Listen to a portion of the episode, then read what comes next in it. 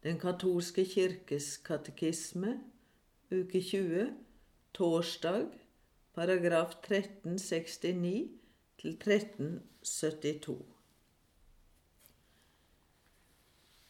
Hele kirken er forenet med Kristi offergave og forbønn. Paven, som har fått Petri tjeneste i kirken, knyttes til hver feiring av Evkaristien, hvor han blir nevnt som tegn på og tjener for den allmenne kirkes enhet.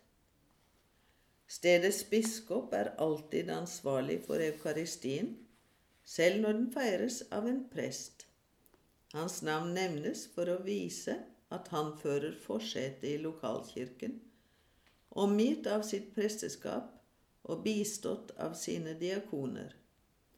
Menigheten går også i forbønn for alle de embetsbærere som bærer frem eukaristiofferet for den og sammen med den.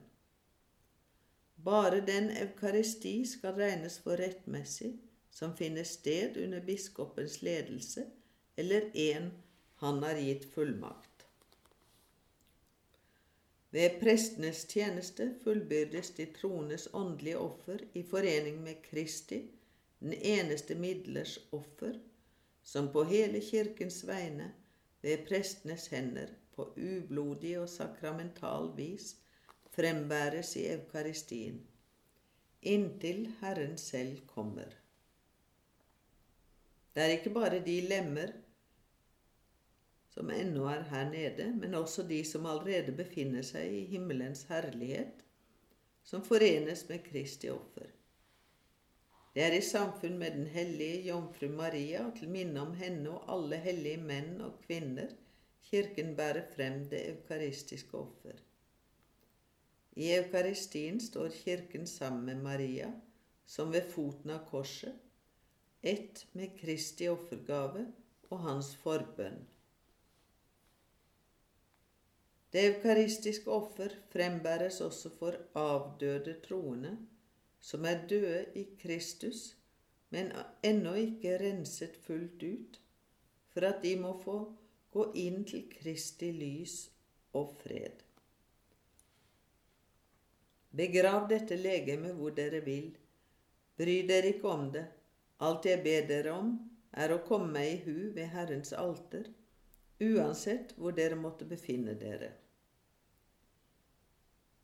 Deretter ber vi i anaforen for de hellige og innsovnede fedre og biskoper, og i største alminnelighet for alle dem som har sovnet inn før oss, for vi tror at dette vil være til stor selebot for de sjeler vi ber for i nærvær av den hellige og fryktinngytende offergave, ved å bønnfalle Gud for dem som er sovnet inn, om de enn var syndere, bærer vi frem Kristus, slaktet for våre synder, og gjør Gud, menneskenes venn, mildt stemt mot dem og oss.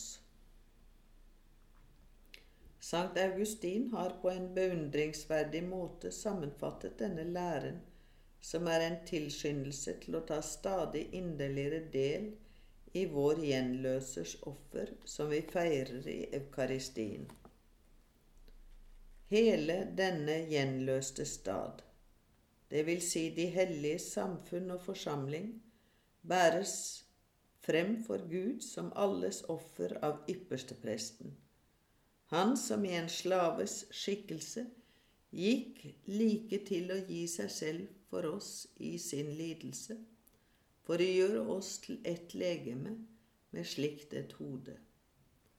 Dette er kristnes offer til sammen å utgjøre ett legeme i Kristus. Og dette offer feirer Kirken i alterets sakrament, som de troende kjenner så godt, og hvor den gjøres kjent med at det i det som den ofrer, ofres den selv.